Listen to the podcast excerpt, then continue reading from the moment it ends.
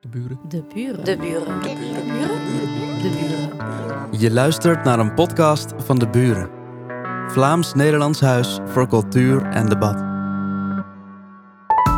Radio 1.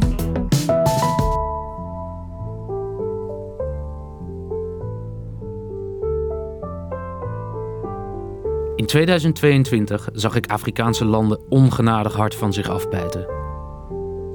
Strekking van de boodschap: we hebben schoon genoeg van de westerse betutteling en laten ons niet langer de les lezen door jullie. Deze onvrede uitte zich op verschillende manieren, merkte ik tijdens mijn reizen door het continent. Zo zag ik bij anti-westerse demonstraties in Mali hoe de Russische vlag voor Wagner-huurlingen werd gehesen. En uit frustratie over de Franse bemoeizucht werd ietsje verderop juist een geit geslacht. Die was voor de gelegenheid overigens in de Franse driekleur geverfd. In Oost-Congo viel me op dat het zagrijn over de VN-vredesmissie een bloedig kookpunt bereikte. De bevolking vindt namelijk dat deze niet bijdraagt aan haar veiligheid. En toen VS-klimaatgezant John Kerry er in Senegal op aandrong dat Afrika haar CO2-uitstoot moet minderen, leidde dat tot woedende reacties. Sub-Sahara-Afrika is tenslotte maar goed voor een half procent van de mondiale uitstoot, terwijl de VS liefst vijf keer zoveel uitstoot, en dat met maar een vijfde van de bevolking. Afrikanen zijn deze hypocrisie spuugzat. Bezigt Mali geen democratie naar westers model? Sancties. Wil Congo haar olie exploiteren? Liever niet. Koloniale roofkunst teruggeven? Afrika kan er niet voor zorgen.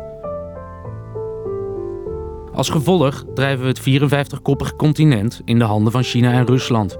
Twee landen die nauwelijks eisen stellen. En dat is reden tot zorg als je het geopolitieke speelveld van 2022 bekijkt.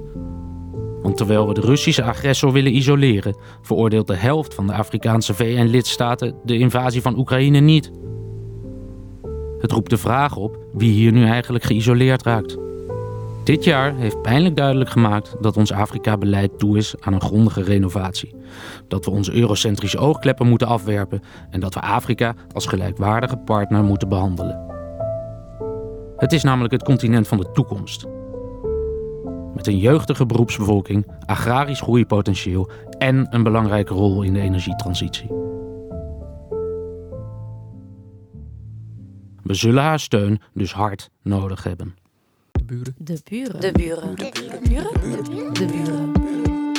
Je luisterde naar een podcast van De Buren. Vlaams-Nederlands Huis voor Cultuur en Debat. Benieuwd naar meer? Luister ook naar onze andere verhalen en registraties. En ontdek ons podiumprogramma op deburen.eu.